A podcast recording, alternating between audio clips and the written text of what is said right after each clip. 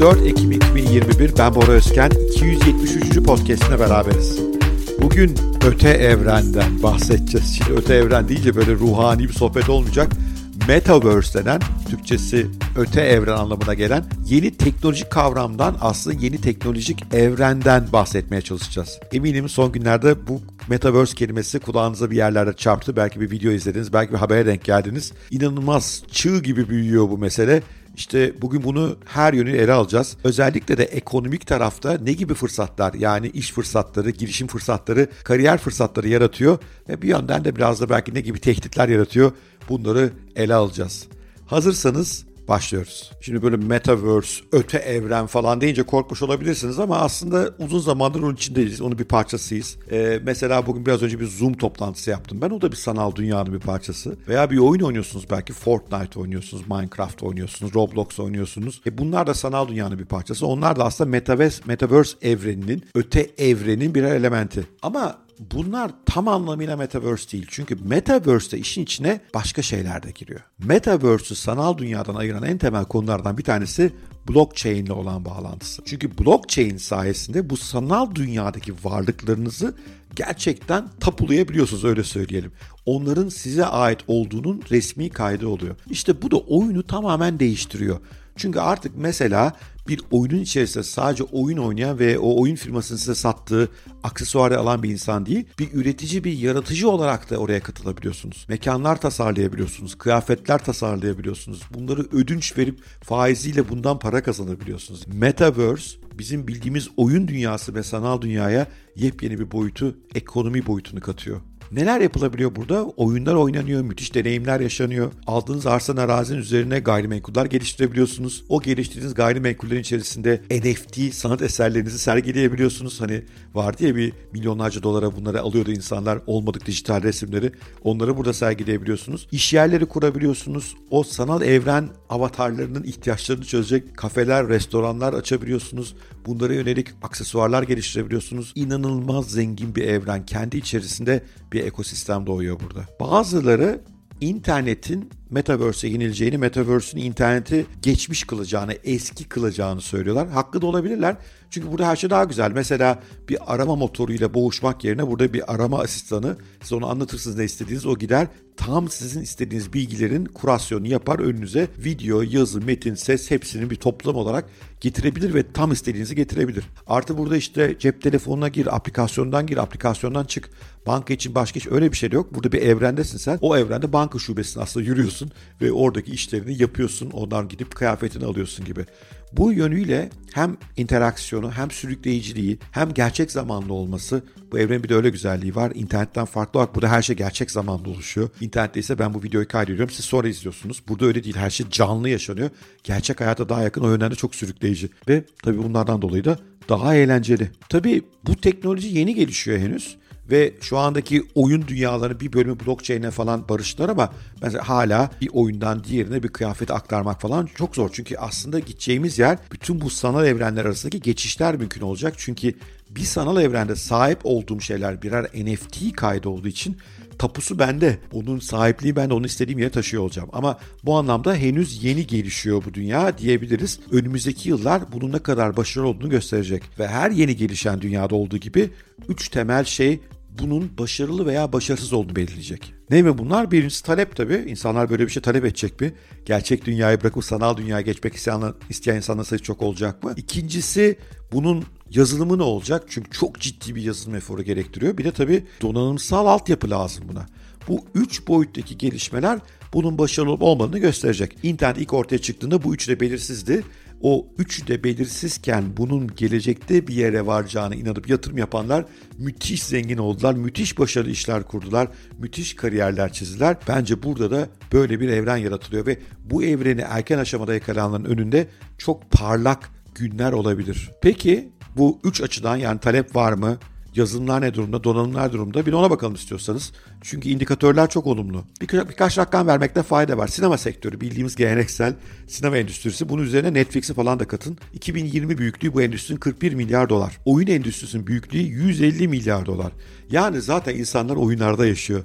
Bir ara Netflix CEO'sunun, Netflix CEO'sunun ben diğer e, film streaming teknolojilerinden işte Disney gibi altyapılardan korkmuyorum. Benim esas rakibim Fortnite demesinin temel sebebi bu. İnsanlar buralarda daha fazla para harcıyor. Zaten insanlar hazır. Öyle ki mesela Fortnite üzerinde yapılan bir konsere Travis Scott isimli bir e, siyahi bir e, şarkıcı sanırım rapçinin bir konserine tam 27 milyon kişi katıldı. Akıl almaz bir rakam. 27 milyon kişi. Geçen sene League of Legends o da büyük bir sanal oyun finalini 44 milyon kişi izledi. Gerçek dünyanın en önemli müsabakalarından bir tanesi olan NBA finalini ki bu seneki muazzam da LeBron James'ler falan oynadı. Onu sadece 7,5 milyon kişi izledi. Fortnite oyununu günde 350 milyon kişi oynuyor ve aklınız duracak şimdi günde 300 milyar saat harcıyorlar buna. İnanılmaz bir zaman harcanıyor bu oyunları. İnsanlar gerçekten yaşamlarının ciddi bir bölümünü orada geçiriyorlar diyebiliriz. Nitekim bu oyunun yaratıcısı Epic Games'in şu anda piyasa değeri de 17 milyar doları bulmuş durumda. Sürekli yeni yatırım oluyor. Tek Fortnite değil mesela e, çocuklarınızın tahminim oynadığı, bizimkiler çok oynardı. Minecraft'ın 260 milyon günlük kullanıcısı var. Roblox'un 180 milyon günlük kullanıcısı var. Bunlar artık birer evren, birer devlet gibi diyebiliriz. Yani insanlar zaten uzun zamandır burada. Bir yandan da e, eğer NFT pazarına bakacak olursak 200 milyon dolarlık günlük aşağı yukarı NFT ticareti yapılıyor. Geçen seneki bu skin trade dediğimiz oyunlardaki kıyafetin alım satımına yönelik pazarın büyüklüğünün 40 milyar doları bulduğunu biliyoruz. Yani bu iş zaten uzun zamandır burada. Şimdi bu yapı taşları yani blockchain'deki yapı taşları kripto paralarda bunun içinde ve kripto varlıklar NFT'ler yavaş yavaş bu dünyayla birleşiyorlar. Bunu konuda da onlarca girişim şu anda devrede. Peki yazılım tarafında ne oluyor? Burada da bir operating sisteme ihtiyaç var. Aynı nasıl cep telefonlarında Android ve iOS varsa burada da iki büyük oyuncu var aslında Unreal Engine ve Unity. Gördüğümüz sanal evrenlerin büyük bölümü bunların üzerinde yaratılıyor. Mesela yanılmıyorsam Fortnite Unity'nin üzerine kurulmuş durumda. Facebook'un yeni devreye girmekte olan Horizon'ı Unreal Engine üzerine kurulacak gibi. Bunlar bu işin operating sistemi öyle söyleyelim. Bunlar, bunlar herkese açık. Bunları ya kullanarak üzerindeki evrenleri siz yaratabiliyorsunuz. Bu altyapılarda müthiş gelişme var. Artı e, pek çok küçüklü büyüklü girişim bu temel altyapıları kullanıp bunun üzerine evrenler yaratıyor şu anda. Facebook'ta bunlardan bir tanesi. Facebook'un CEO'su Mark Zuckerberg çok iddialı. Diyor ki ben sanal evrenin patronu ben olacağım diyor. Metaverse'ün patronu biz olacağız diyor. Ve insanların Facebook'tan, WhatsApp'tan ve Instagram'dan dünyasını buraya doğru taşıyacağız diyor. Bunun için de Facebook Horizon isimli büyük bir sanal dünya yaratıyorlar. Bir, bir yıl içerisinde devreye girecek gibi gözüküyor. Böyle onlarca yüzlerce proje var şu anda ve buna çok ilgi görüyorlar. İnsanlar buralarda kendilerine erken arazi almaya çalışıyor. Avatarlarını buraya sokmaya çalışıyorlar. Adeta bir yarış yaşanıyor diyebiliriz. Tabii işi bir de donanımsal boyutu var. Donanımda iyice de birkaç boyut var. Bir tabii 5G burada gerekli. E, çünkü bu oyunların bu sanal deneyimlerin etkin yaşanması için latency'nin yani bilgi akışındaki ufak gecikmelerin ortadan kalkması lazım. O zaman bu işin tadı çıkıyor. E 5G konusunda da epey dünyanın her yerine yatırım var. Onu ilerlediğini önümüzdeki günlerde görüyor olacağız. Bunun dışında tabii bu dünyaya nasıl interakt ettiğimiz işin tabii üçüncü boyutu donanım. Orada da çok önemli şeyler oluyor. Bir kere bu dünyaya nasıl gireceğiz? Cep telefonlarımızdan, bilgisayarlardan, oyun konsollarından girebiliriz elbette. Ama o zaman iki boyutlu kalınıyor. Oysa bu dünyanın tadı üç boyutlu olunca çıkıyor. İşte bu çerçevede bir sürü firma gözlükler geliştirmeye çalışıyor. Facebook en iddialarından bir tanesi Oculus'u var onun. Microsoft'un Lens'i var. PlayStation VR'ı var. Ama bunun dışında belki takip ettiğiniz geçen hafta itibariyle Facebook'la Ray-Ban'in bir ortak projesi var. Ray-Ban Stories diye küçük bir videosunu yaptım linki aşağıda. O şu anda satılıyor artık gözünüze takıp o dünyaya kısmen giriyorsunuz. Tam bir metaverse ürünü değil ama yine de gözleriniz her an sanal dünya içerisinde girmiş oluyor. Yine Amazon'un Amerika'da şu anda e, talep üzerine yolladığı, özel müşteri yolladığı Echo Frames diye bir yapısı var.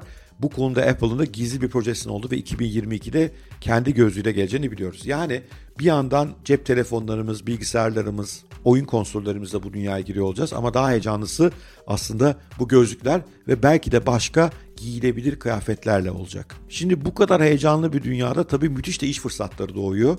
Çünkü böyle bir evrenin bu metaverse'ün devreye girmesi için farklı seviyelerde girişimlere ihtiyaç var. Mesela öncelikle tabii bu deneyimleri tasarlayanlara yani bu oyunları, Facebook'un Horizon'ı gibi ortamları, Decentraland gibi ülkeleri tasarlayanlara ihtiyaç var. Burada onlarca startup var. Bunlarda nereye gitmem gerekiyor?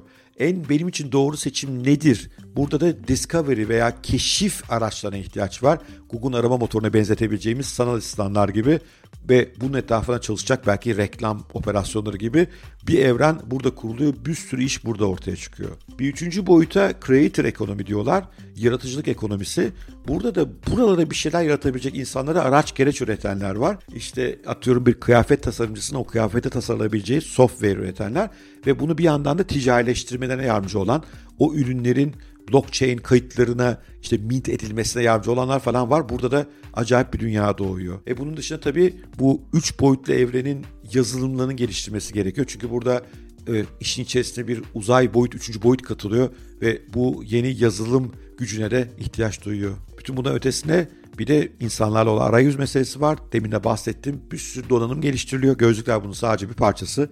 Yani e, Elon Musk'ın Neuralink'i beynimize doğrudan bir kablo bağlayıp belki bizi buraya sokuyor olacak. Belki saatimiz bu evrene yolculuk yapmamıza yardımcı olacak. Burada da bir donanım dünyası var. Ve en sonunda da tabii altyapı bu kadar muazzam bir e, bilgi işlem gücü için bir yandan işlemcilere büyük yatırım yapılıyor olacak. Bir yandan 5G gibi internet altyapılarına bir yandan bulut işlem gibi altyapılara büyük yatırımlar yapılıyor olacak.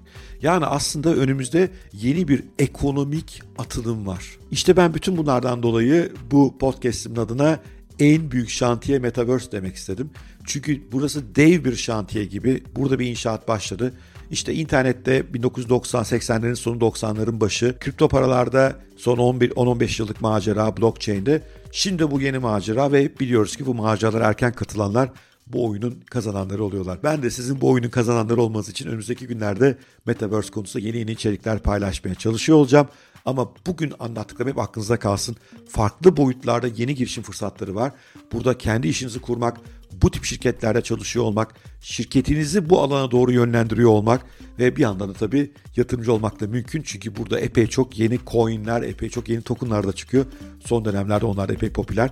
Bunlarla ilgili önümüzdeki günlerde paylaşımlar yapacağım. Evet, yüksek tempolu bir podcast oldu. Umarım ilginizi çekmiştir. Ee, ben çok heyecanlanıyorum Metaverse konusunda. Eğer ilginizi çekmişse, hoşunuza gitmişse bir like, bir yorum süper olur. Ee, böylece ben de işlerin iyi gittiğini bilirim.